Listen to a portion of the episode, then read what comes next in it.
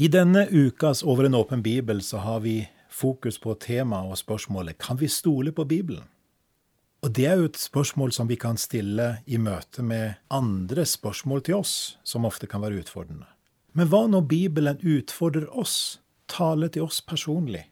Tør vi da å stole på at Bibelen taler rett om oss og våre liv, at vi bøyer oss for det Bibelen sier, eller har vi da en tendens til å ønske å prøve å lure oss unna Bibelens ord?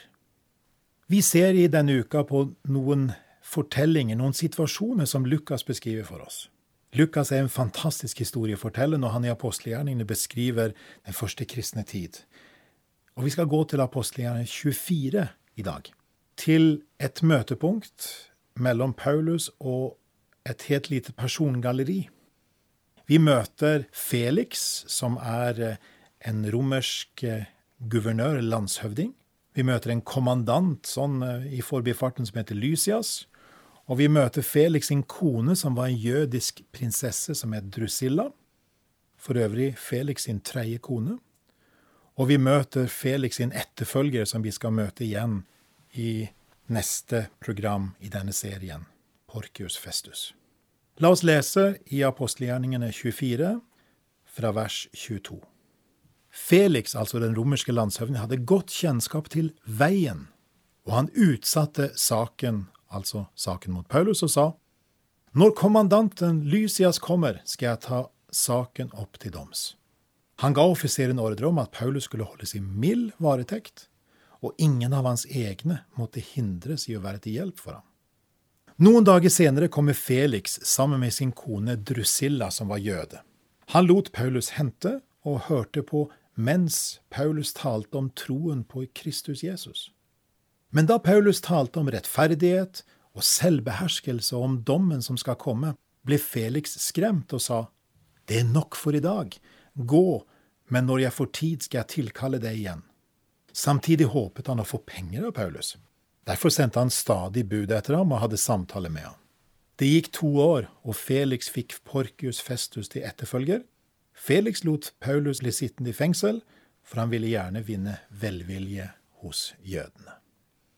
Igjen en levende fortelling fra Lukas sin hånd. Og Her møter vi mange ting som har med temaet vårt å gjøre. Kan vi stole på Bibelen?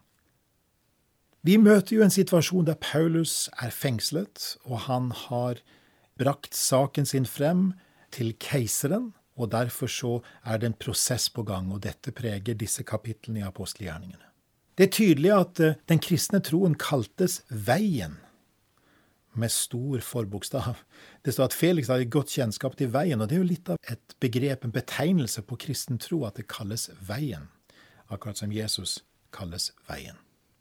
Og så er det at Felix er fascinert av Paulus, denne merkelige fangen, og han gir eh, Paulus gode vilkår, mild varetekt og, og mulighet til å få hjelp fra sine medhjelpere og venner.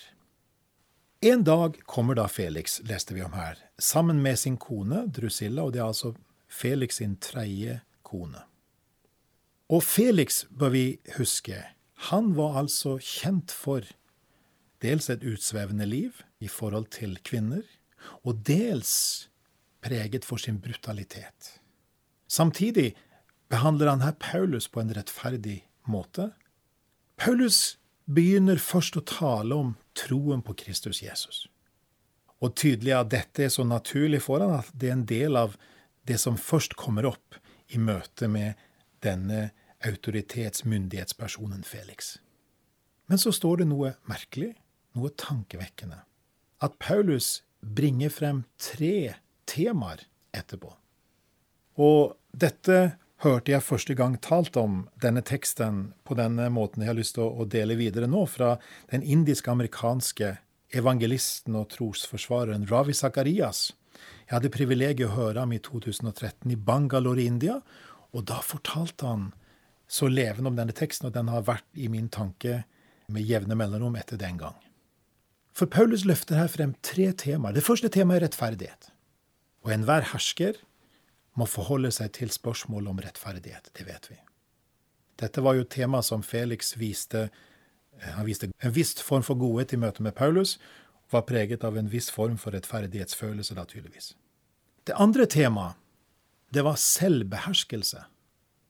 Og var det noe som ikke preget Felix, var det selvbeherskelse.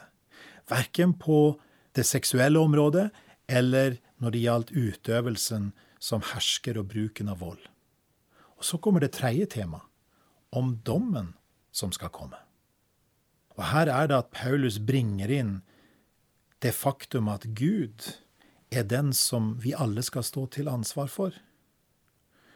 En eh, tanke som bringer enhver som tar det på alvor, i det minste til ettertanke.